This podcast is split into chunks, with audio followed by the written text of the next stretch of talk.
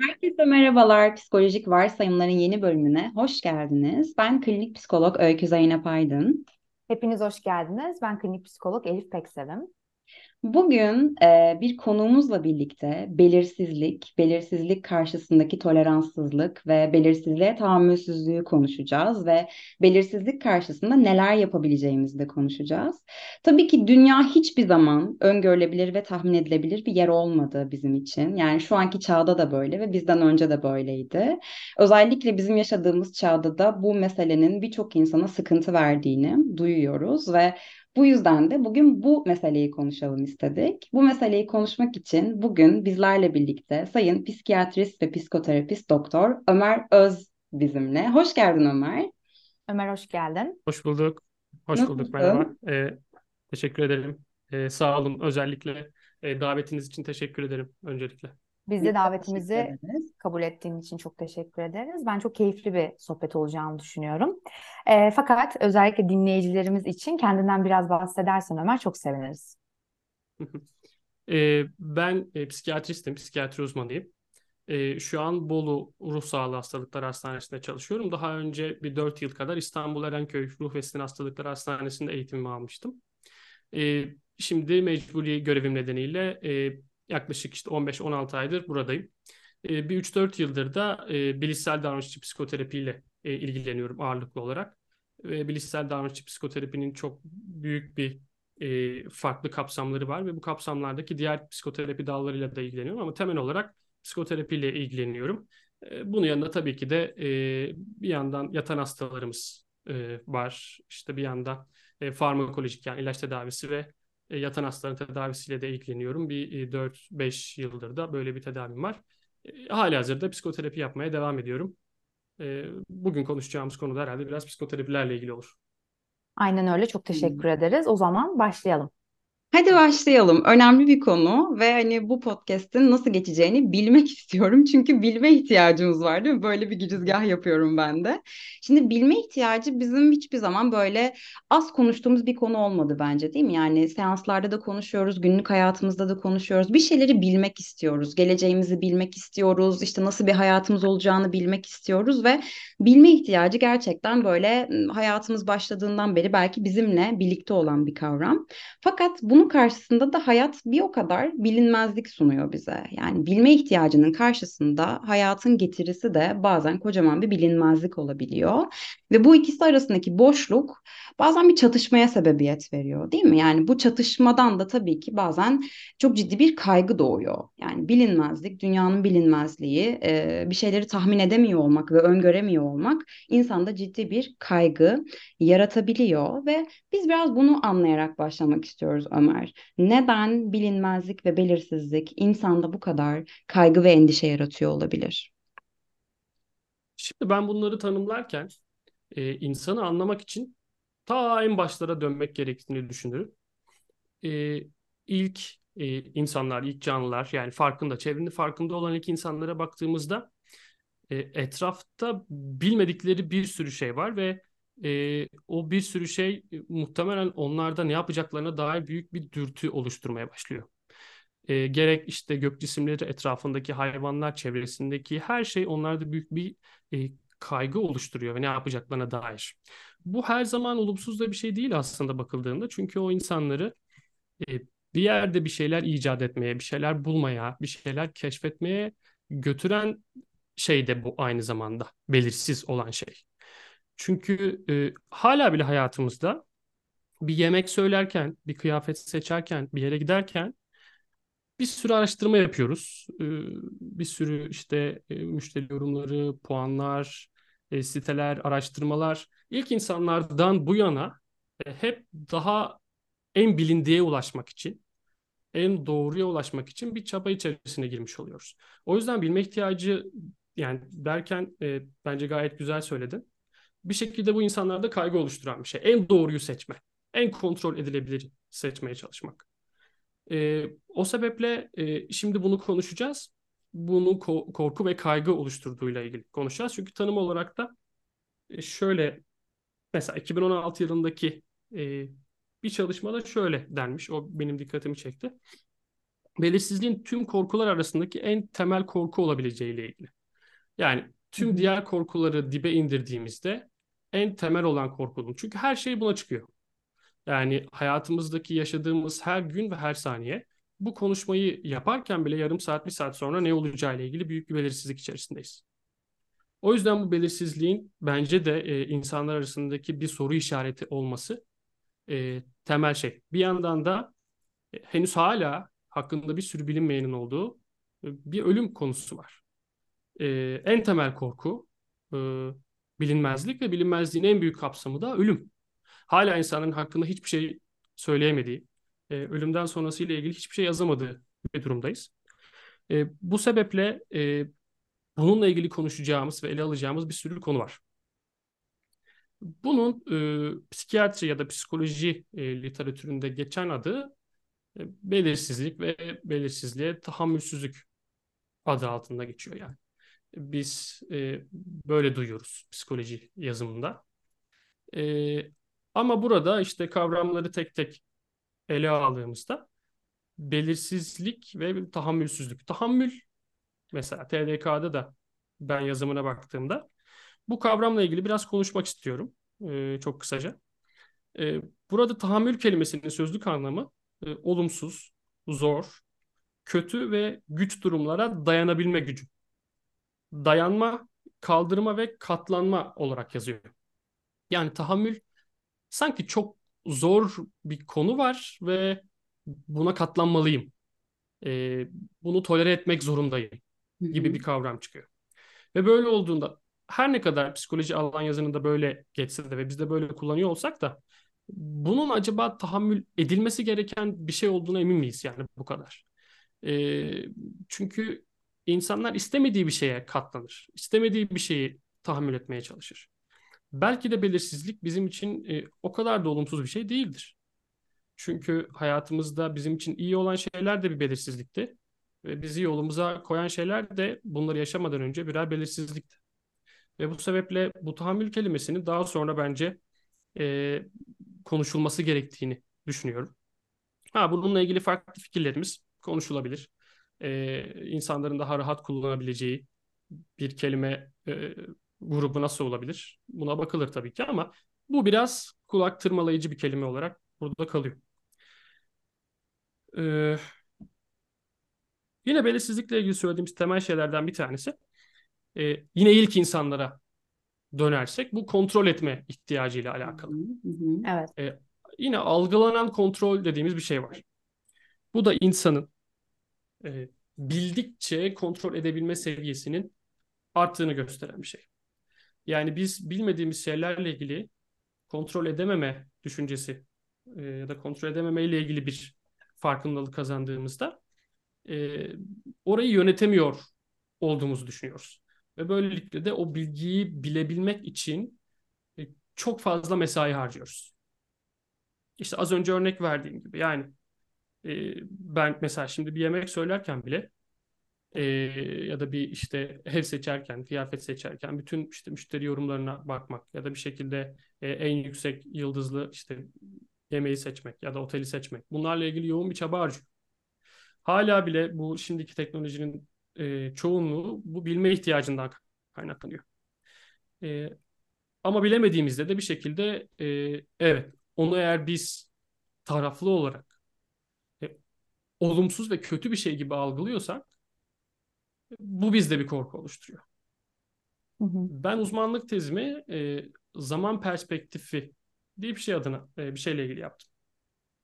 Zaman perspektifi insanların e, zaman akışını nasıl algıladığıyla ilgili. Bazı kimseler e, gelecek zaman yönelimliyken bazıları da şimdiki hazcı zaman yönelimindeydi gelecek zaman yöneliminde olan insanlar gelecekteki e, durumlarla ilgili sürekli bir hazırlık yapma uğraşında olurlardı. Ama e, burada geleceği genelde e, kaçılması ve korkulması gereken, sürekli bir hazırlanmam gereken bir şey olarak görürlerdi. Şimdiki hazcı insanlar da gelecek için merak uyandıran bir şey olarak bakarlardı. Çünkü gelecek bizim için e, zannettiğimiz kadar e, olumsuz ve kötü ve güç şeyleri vermiyor olabilir. Burada e, insanları harekete geçiren, motive eden temel şeylerden bir tanesi e, ödül ihtiyacıdır. Bir diğeri de e, acıdan kaçmaktır. E, acıları ortaya çıkartan şeyler de temel anlamda e, kayıplar ve bilinmezlikler.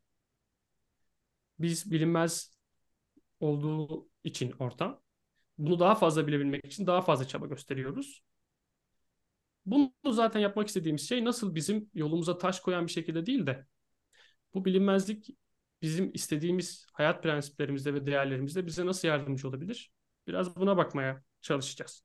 Yani belirsizliği kötü ve güç gören biri çok doğal olarak bununla ilgili kaygı duyacaktır. Hı hı. Ve bunu yönetemeyeceğiyle ilgili bir endişe içerisinde olacaktır. Bu çok doğal. Ömer bu noktada ben bir şeyi merak ediyorum. Çok önemli bir yere vurgu yaptın bence. Zaten kavram olarak da her ne kadar psikoloji literatüründe böyle geçse de belirsizliği demek ki o kadar kabul edilemeyen büyük bir tehdit olarak algılıyorum ki buna tahammül etmem gereken bir şey olarak bakıyorum. Bence o dediğin nokta çok önemli. İkinci e, konuşmalarından anladığım ve çok önemli olduğunu düşündüğüm bir kontrol vurgusu var. Yani kişiler e, demek ki belirsizlikle karşılaştıkları zaman belki bakış açıları farklı oldukları için kontrol edemiyor hissiyle buluşuyorlar ve kontrol edemiyor olma hissi de bir güvensizlikle sonuçlanıyor ve ben tekrardan kontrol edebiliyor olduğum hale gelmek için de belirsizliği ortadan kaldırmaya çalışıyorum. O yüzden bu noktada belki şunu söyleyebilir miyiz? Gerçekten kontrol ediyor olmakla kontrol hissi aynı şey değil. Hani algılanan kontrolle diğerini karşılaştırdığın için söylüyorum. Bence burası da çok önemli. Biz aslında belli belirsizlikleri ortadan kaldırma çabasıyla günün sonunda hala bir şeyleri çok kontrol ediyor olmuyoruz baktığında. Bunu söyleyebilir miyiz? Bir özet olarak aslında. Evet.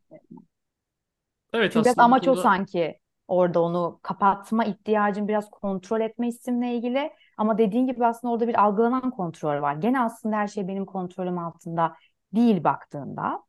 Ve bunun da ilintili olarak şunu merak ettim. Hani birçok kişinin böyle algıladığını söylediğin için belirsizliğe tahammül edememe halimiz ve bunu bir tehdit olarak görüyor olmamız da belki psikolojik iyi oluşumuzla çok ilintili. Hem çevremde hem kendimde hem klinik pratiğimde gördüğüm kadarıyla da bir takım psikolojik sorunları tetikleyebilen hatta davetiye çıkaran bir mesele olduğu için de bence çok önemli bir konuyu konuşuyoruz. Burada o yüzden şeyi merak ediyorum Ömer. Belki hem senin bir psikoterapist, psikiyatrist olarak gördüğün veya çevrende gördüğün kadarıyla e, belirsizliğe tahammül edememe halimiz hangi psikolojik sorunları tetikler ve hangilerine davetiye çıkarır? Şimdi e, öncelikle teşekkür ederim soru için. E, burada tanılar kapsamında konuşursak ben psikiyatrist olarak e, genelde hep hastanede ya da işte çalıştığım kliniklerde e, tanılarla çok sık karşılaşıyoruz. Yani bu tanılar artık herkesin e, bildiği işte anksiyete bozukluğu ya da depresyon ya da obsesif kompulsif bozukluk ya da travma sonrası stres bozukluğu bunların Hı-hı. hepsi e, ismen bizim tanılarla çalıştığımız bir alan. Ve belirsizlik kavramı az önce bahsettiğim gibi insanların e, en temel korkularından ve meselelerinden biri olduğu için aslında hemen hemen tüm bu tanıların içine girebilir. Bizim Hı-hı tanısal bağlamda baktığımızda eğer örnek vermem gerekirse e, ileride doğabilecek tehditlerle ilgili endişeler içerisinde bulunan, e, geleceği sürekli belirli kılmaya çalışan, gelecekte olabilecek şeylerle ilgili önlem almaya çalışan kimseler sürekli bir belirsizliğe karşı yarışır halde oluyorlar. Bahsettiğin evet. kontrol ve algılanan kontrol aslında çok önemli. Çünkü insanların bizim bildiğimiz, kontrol edebildiği yegane şey kendi davranışları. Ama insanlar kendi davranışlarını değil de gelecekte yaşanabilecek şeyleri kontrol etmek istiyorlar. Çünkü kontrol etmenin e, mekanizması şu. E, o an o yaşanan, ortaya çıkan duyguyu yönetebiliyor olmakla ilgili. Duyguyu eğer yönetebiliyorsam ortaya çıkan yüksek duygu bu kaygı olabilir, korku olabilir ya da mutsuzluk olabilir. Eğer bu duyguyu yönetebiliyorsam e, iyi hissediyorum. Yapabilmiş, yeterli hissediyorum. Ve o, yüzden bunu kontrol edene kadar düşünmek zorunda hissediyorum. Hı hı. Yani tüm o ihtimalleri fark edip o ihtimallerin hepsine tek tek yanıt veriyor ve kendimi rahatlatacak cevabı bulabiliyor olmam lazım. O yüzden gerek mesela kaygı bozukluğu olan ismen böyle söyleyeyim. Kaygı bozukluğu olan birinde baktığımızda e, atıyorum panik ataklar yaşıyorsa gelecekteki panik atakları nerede geçireceğini, geçirirse bunu nasıl yönetebileceğini, kendini öldürmeyecek, boğmayacak pozisyonu, kalp krizi geçirmeyeceği pozisyonu nasıl bulabileceğiyle ilgili sürekli bir fikir yürütme eyleminde oluyor. Ve haliyle de sürekli bir belirsizliği e, aşma, her şeyi belirleme ihtiyacında oluyor. Keza depresyonda olan bir insanda e, şimdi neden böyle bir hale düştüğünü, bu halden nasıl çıkacağını, bu e, canının istemiyor olması ve mutsuzluk halinin ne zaman biteceğini sürekli bunları düşünüp bunlara yanıt bulmak istiyor. Yine aslında tek bir cevabı olmayan, e, tamamen birbirine bu kadar yakın ilişkili olmayan, tek cevabı olmayan şeyleri bulmaya çalışıyor. Bu da keza aynı şekilde belirsizlik. Yine obsesif kompulsif bozukluk kapsamında bakarsak, e, zihnine düşünceler gelen, işte e, belki sürekli temizlikle uğraşan ya da bir şekilde e, yakınlarına zarar verip vermeyeceğiyle ilgili e, bazı obsesyonları ya da halk dilindeki takıntıları olan kimseler bunların ne zaman biteceği ya da e, bunlarla beraber acaba hayatını onun istediği biçimde yaşayıp yaşamayacağı ya da bu obsesyonları e, en kısa yoldan nasıl geçirebileceğiyle ilgili sürekli bir bilinmezlik ve belirsizlik içerisinde. Yani aslında bakınca tüm farklı tanılar kendi içinde bir belirsizlik ve belirsizliğe karşı bir yönetim şekli içeriyor. Yani o yüzden ben bunu tek bir hastalıkla bağdaştırmak istemem. Bizim e, psikoloji ya da psikiyatri jargonunda e, trans diagnostik diye bir kavram vardır. Yani tanılar ötesi de denilebilir. Öte tanısal da denebilir. Kim ne demek isterse. Diğer tüm tanılar içerisinde de bulunabilen. Yani insan olarak baktığımızda e, insanları biraz çok hafif bir bilgi vermek istiyorum. Biraz felsefi bir bilgi ama e, nomotetik ve ideografik diye bir iki bilgi tarzı var. Burada insanları bir sınıf sınıf, bir grup grup olarak mı göreceğiz? Yani nomotetik bir yaklaşımla mı? Yoksa insanı bir bütüncül bir varlık, geçmişiyle, genetiğiyle, duygusuyla, düşüncesiyle, davranışıyla ve inancıyla bir, bir kimse olarak mı göreceğiz? Buna da ideografik deniyor. Biz daha çok ideografik yaklaşımla belirsizliğe tahammül etmekte zorlanma ya da kontrol ihtiyacı aslında bunların bir insanın temelinde olduğunu. Çünkü yapılan çalışmalarda herhangi bir hastalığa sahip olmayan insanlarda da çok ciddi belirsizlikle ilgili bir endişe görülmüş. Yani bunun için bir hastalığa sahip olmamıza dahi gerek yok. Hastalığı e, evet bazı tanı kriterlerini karşılayan insanlara biz hasta diyoruz. Ama e, bir hasta olmayan, atıyorum önümüzde bir sınavı olan e, ya da şimdi maalesef üzücü bir dünyada yaşıyoruz her an sosyal, ekonomik, kültürel bazı zorlukların olduğu bir dünyada evet. her an belirsiz bir zamanda yaşamak bizim için önemli. Ee, daha önce büyük bir pandemi atlattık. Şimdi bazı savaşlar ve karışıklıklar yaşıyoruz. Tüm bunlar içerisinde de belirsizlik bizim için çok önemli bir şey. O yüzden e, bence sorduğun soru güzel. E, ama tek hastalıkla bağdaştırmak istemem. Dediğine kesinlikle katılıyorum ve şunu bence vurgulamak çok önemli dediğin gibi birçok zaten ruhsal e, ruh sağlığı problemin devam ettirici ortaklaşa bir faktör senin de bahsettiğin gibi bizim trans diagnostik dediğimiz fakat şu da çok önemli belli bir tanıya sahip olmayan ve dediğin gibi yarın sınavı olan bir kişinin de bu belirsizlikle endişe ettiğini görebiliriz. O yüzden de dediğin gibi çok devam ettirici, çok varoluşsal olarak hepimizi aslında biraz rahatsız eden fakat tabii ki şiddeti ve bununla ilgili tehdit algım yükseldikçe belki belli ruhsal e, problemlere daha açık hale geliyor da olabilirim. Kesinlikle. Burada zaten e, hemen bir ekleme yapıyorum. Temel anlamda e, buna biz e, spektrum diyoruz. Spektrumu nasıl hani, tanımlayabilirim? E, bunun benim hayatımın ne kadar önüne geçtiği ya da benim bununla ne kadar ilgilendiğim, bu meseleyle vaktimin ne kadarını harcadığım zaten buradaki temel mesele bu. Yoksa az önce bahsettiğimiz bu herkes için tüm insanlarda bulunan kavramlardan bahsediyorsak ve belirsizlikle tahammülsüzlük bunlardan bir tanesi ise hepimizde var olan ama hayatımızın ne kadar önüne geçtiği. Yani bir insan gerçekten e, evet sınavıyla ilgili endişe edebilir ama bu belirsizlik onda e, ya bakayım acaba e, zorlu ama e, halledebilirim. Belki de yeni farklı şeyler deneyimleyeceğim diyebilir. Ve böylelikle o onun önüne taş koyan bir şey değil de tam tersi onu hayatında bir amaca güdüleyen bir şey olabilir. Tam tersi onu motive eden bir şey olabilir. O yüzden e, evet bahsettiğin yani e, birden ona kadar sınıflarsak bir olan da belirsizliğe tahammülsüz, on olan da. Ama bu sebeple hayatımı ne kadar ketlediğim önemli. Eğer ben bunu çok fazla deneyimliyorsam o zaman da e, hayatımdaki her şeyi belirlemeye çalışırken sürekli düşünmem, e, sürekli bir şeylerden kaçmam, uzaklaşmam gerekir. O da e, benim hayatımı e, ciddi ölçüde sınırlamama neden olacaktır. E, o yüzden evet, e, burada e, no yani bizim e, bir hastalık sahibi olmadığını düşündüğümüz kimselerde de var ama e, vakit geçirme onlarda daha az, yoğunluğu daha az diyebiliriz. Hı, hı hı. Aynen öyle. Bu arada hani aslında şöyle bir şey söyledik burada değil mi? Bir sonraki hani zihnimdeki soruyu da aslında cevaplamış oldun. Çünkü e, şimdi belirsizlik ve bilinmezlik ciddi anlamda bir sıkıntı yarattığı zaman hani bahsettin ya bir spektrumdan bahsediyoruz. Bir değil de böyle sekizlerde, dokuzlarda, onlarda bir sıkıntı yarattığı zaman şimdi muhtemelen ben bunu ortadan kaldırmak için bir şeyler yapacağım değil mi? Yani bazı stratejiler gütmeye başlayacağım ve burada da genellikle o e, kategorizasyonlar biraz burada devreye giriyor. İşte bir takım kaygı bozukluğu demeye başlıyoruz artık ya da obsesif kompulsif bozukluk demeye ya da sağlık anksiyetesi demeye başlıyoruz. Çünkü bu kişi artık hani gözle görülür biçimde e, bazı e, hayatında bazı değişiklikler yapmaya başlıyor. Örneğin senin de az önce söylediğin gibi şimdi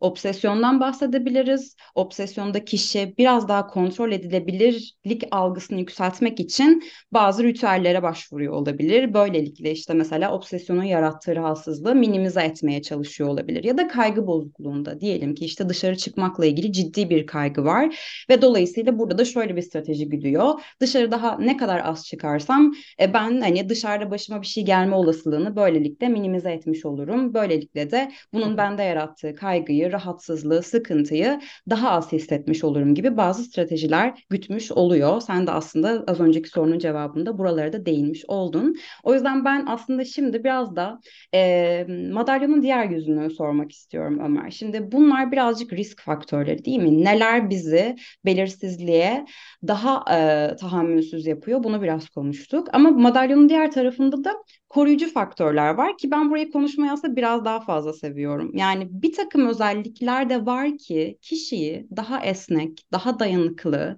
e, belirsizlikler karşısında daha toleranslı hale getiriyor. Biz kendi klinik pratiğimizde çalışırken de bunu görüyoruz ya da klinik ortamın evet. dışında da yani ailemizde, arkadaşlarımızda da görüyoruz.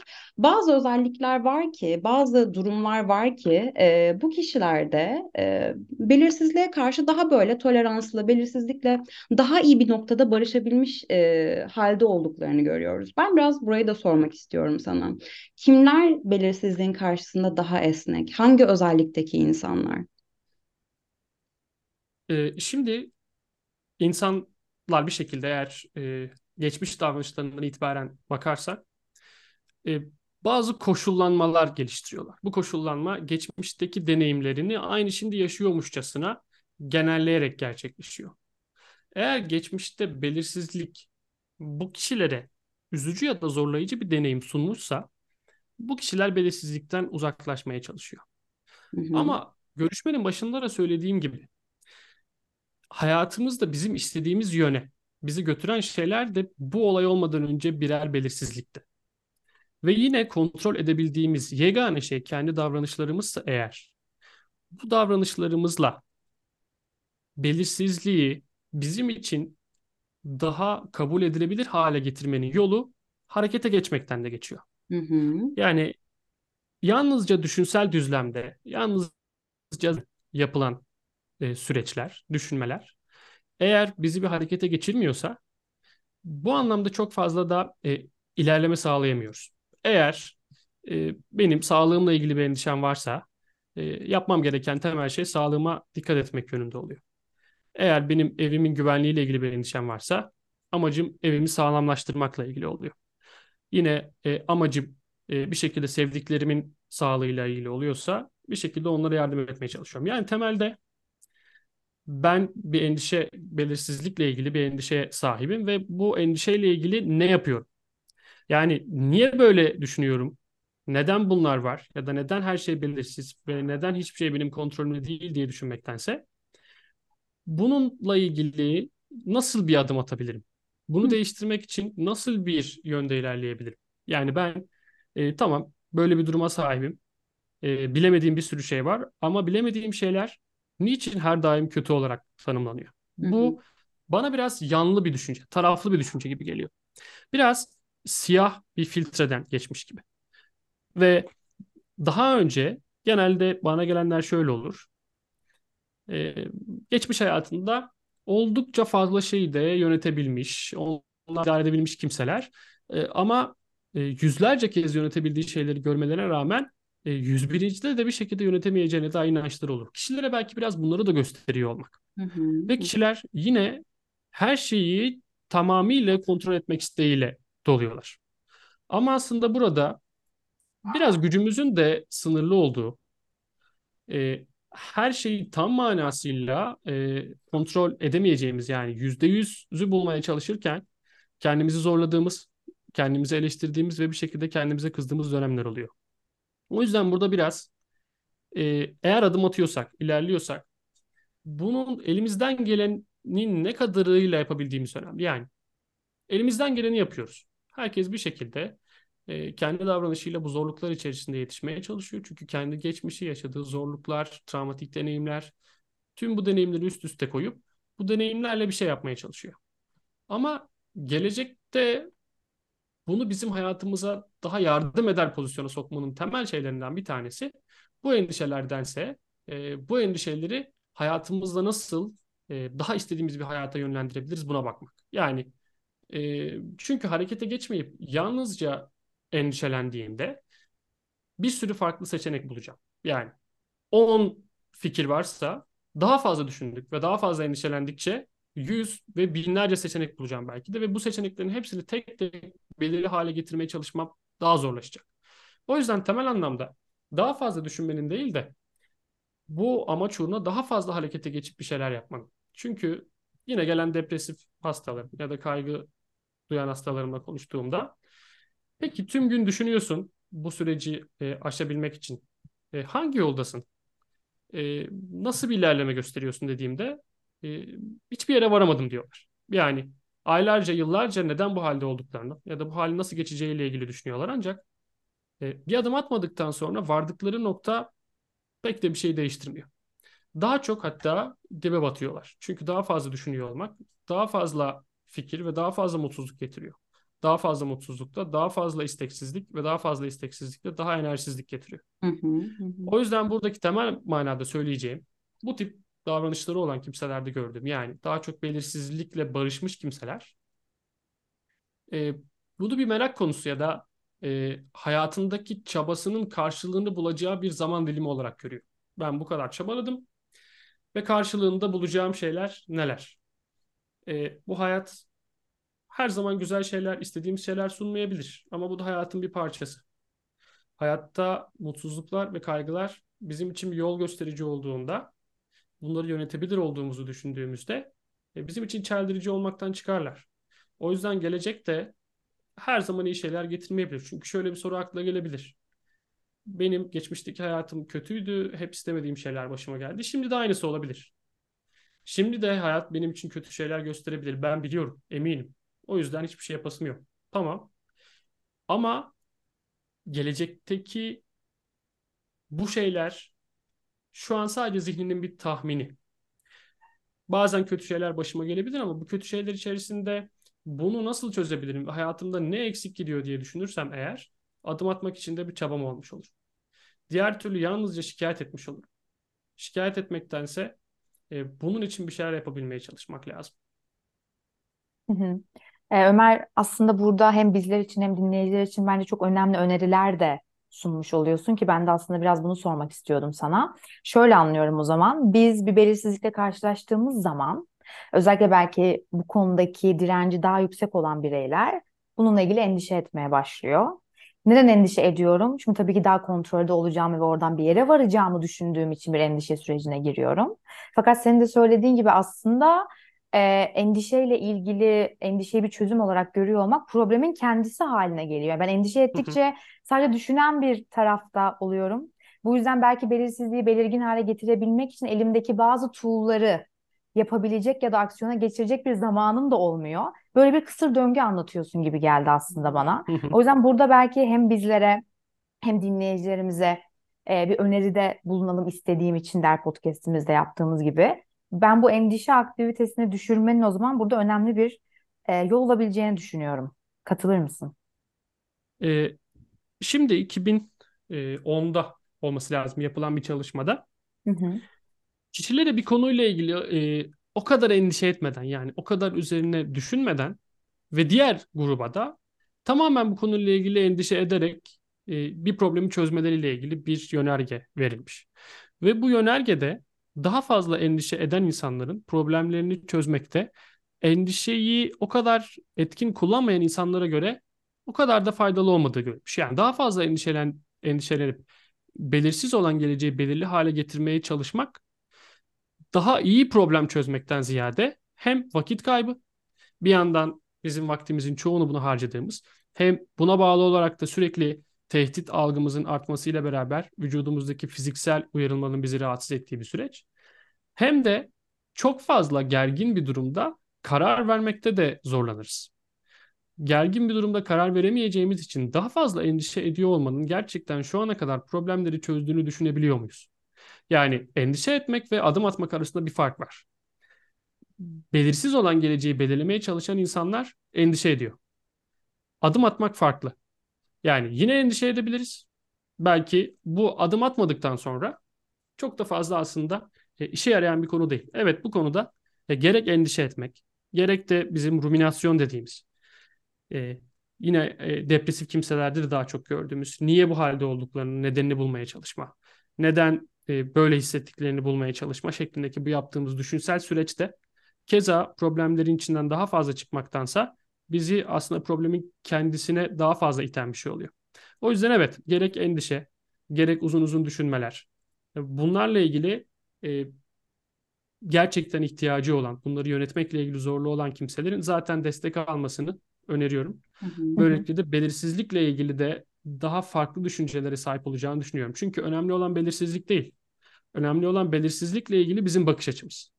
Yani e, aynı şey farklı insanda farklı düşünce oluşturuyor ve farklı duygu oluşturuyor. O yüzden e, belki de temel mesele onların belirsizlikleri olan inancıdır. Yani bunları değiştirdiğimizde ya da bunlar üzerine konuştuğumuzda belki belirsizlik onlar için bu kadar yıkıcı ve yönetilemez gelmeyecek. Evet. O zaman bir soru bırakmak istiyorum ben dinleyicilere. Belki podcast'ten sonra düşünürler diye. Endişeyi dediğin gibi genelde tabii ki de problem çözme uğruna yapıyoruz. Ama dediğin gibi böyle endişe sadece bir cycle haline geliyor ve bizi A'dan B'ye getirmiyor. Hı hı. Fakat problem çözme becerisi dediğin mesele genelde bizi A'dan B noktasına götüren bir şeyle sonuçlanan bir noktadır. Bu yüzden de şeyi sormuş olalım dinleyicilerimize. Endişe etmeden de problemlerimizi çözmek mümkün mü? Sorusunun ben çok önemli bir soru olduğunu düşünüyorum. Ee, benim şu anda diyeceklerim bu kadar. Keyifli sohbetin Çok için ben çok teşekkür gerçekten. ederim. Hatta Ömer anlattıkça şey hani podcast'in başında böyle biraz da espri olsun diye şey dedim ya bu podcast nasıl geçecek acaba hani bilinmezlik içerisindeyiz diye. Sen anlatırken de tek tek şeyi düşünüyorum. Yani sadece şu podcast'in çekimi içerisinde bile o kadar bilinmezlik var ki ve Elif'le ikimiz işte bu belirsizlik ve bilinmezlik içerisine e, girip orada çok kaybolsaydık. İşte nasıl geçecek acaba konuk gelecek mi geç mi kalacak çekimde sıkıntı mı olacak internet mi kesilecek işte varsayımların ve o kaygı unsurlarının içinde kaybolduğumuzda şey diyebilirdik mesela ya bugün çekmeyelim en iyisi ya biz bunu erteleyelim bugün şu şu problemler çıkabilir biz bunu işte haftaya yapalım ondan sonraki hafta yapalım gibi bu sefer aslında hani şu anda gerçekleşen şeyi bile ortadan kaldırabilecek kadar büyük bir unsur haline gelebiliyor ama buradayız ve bu podcast'i çektik ve hani oradaki varsayımların içinde kaybolmak yerine bugün eylemselliğin gücüne güvendik ve e, hep beraberce bu güzel bölümü de kaydetmiş olduk. E, Ömer çok güzel şeyler anlattın gerçekten. Bizim de zihnimizde güzel ışıklar yaktın. Umarım dinleyiciler de bu güzel noktalardan faydalanmışlardır. Elif'cim sorun harikaydı. Bence hani herkesin zihninde bu soru yer etmeli diye düşünüyorum. E, umuyorum ki herkes için faydalı bir bölüm olmuştur. Ben çok faydalı olduğunu düşünüyorum ve Ömer'e ve sana keyifli sohbetin için çok teşekkür ederim. Ben de çok teşekkür ederim. Ömer var mı eklemek istediğin bir şey kapatmadan? Aslında tam burada mesela ben genelde atıyorum bu podcast ile ilgili tabii ki de benim de zihnimde nasıl gideceğiyle ilgili soru işaretleri olsa da kendime hep şunu söylerim. Bir amaç uğruna çabalıyorum. Şu an zihnimi mi dinleyeceğim yoksa gerçek e, hayatla mı davranacağım? Şu an zihnimi dinlemektense biraz gerçek hayatla ilgili davrandık ve e, bunu çekmiş olduk. Aynen öyle. Bence de çok keyifliydi. E, Çok tekrar davetiniz için teşekkür ederim. Biz Teşekkür umarım- ederiz. Dinleyenler de e, bundan kendileri için faydalı şeyler bulacaktır. E, iyi günler diliyorum herkese. Hoşça kalın. Hoşça kalın.